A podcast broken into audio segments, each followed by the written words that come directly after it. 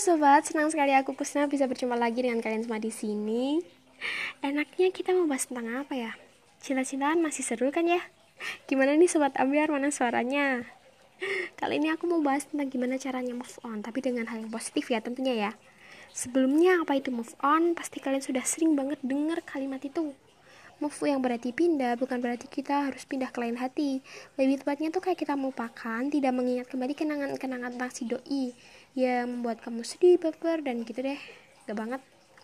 Nah, di sini aku akan membagikan cerita pribadiku gimana caranya aku move on dengan yang positif ya. Dengar baik-baik. Yang pertama, cintai diri kamu. Itu yang paling penting. Cintai diri kamu sendiri bahwa kamu itu berharga. Yakinkan diri bahwa kamu itu spesial. Jika kamu menolak diri kamu sendiri, move on gak akan pernah berhasil. Percaya deh. Jika diri kamu menolak akan kehadiranmu, akan keadaanmu saat ini, maka kamu akan terus terpuruk. Semua itu dimulai dari diri sendiri tahu, bukan dari orang lain ya. Yang kedua, lakukan hal positif seperti kalau aku suka ke arah olahraga. Jadi aku basket, volley, badminton. Nah walaupun pertamanya tuh kayak mager tapi aku harus ngelawan magerku. Jika kamu terus berdiam diri di kamar justru itu akan merasa sendiri dan padahal tuh di luar sana tuh banyak orang-orang yang menyemangatimu.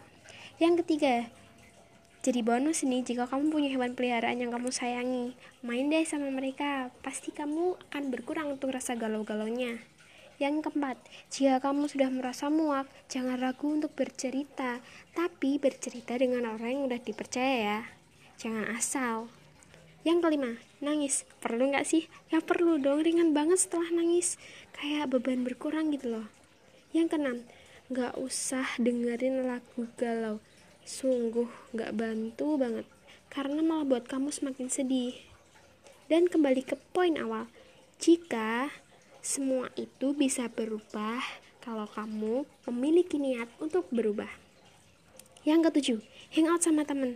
Boleh banget dong, itu bantu banget. Senang banget rasanya bisa berkumpul sama teman.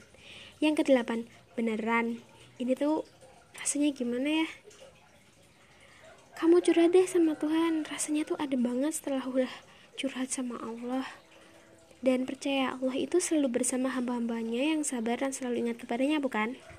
Nah, untuk itu di sini ada juga yang paling dilarang. Ya itu nggak usah kepoin dia, bener itu tuh nggak bantu banget asli. Setiap kamu kepoin tuh kamu malah merasa kayak sedih dan entah kenapa tuh kamu pengen komen storynya atau hal lain lah.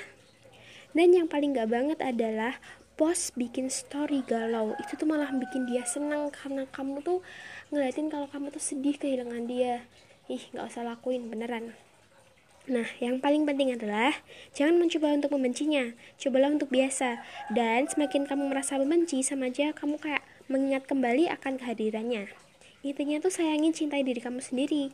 Itu yang paling penting. Menerima kamu apa adanya dan kamu akan terbiasa dan baik-baik saja. Nah, sekian ya guys. Love you guys.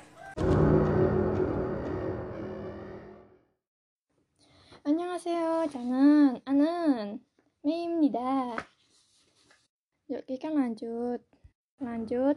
Ki bumper meh tambah tanda yuk di meneh kan iki lanjut meneh.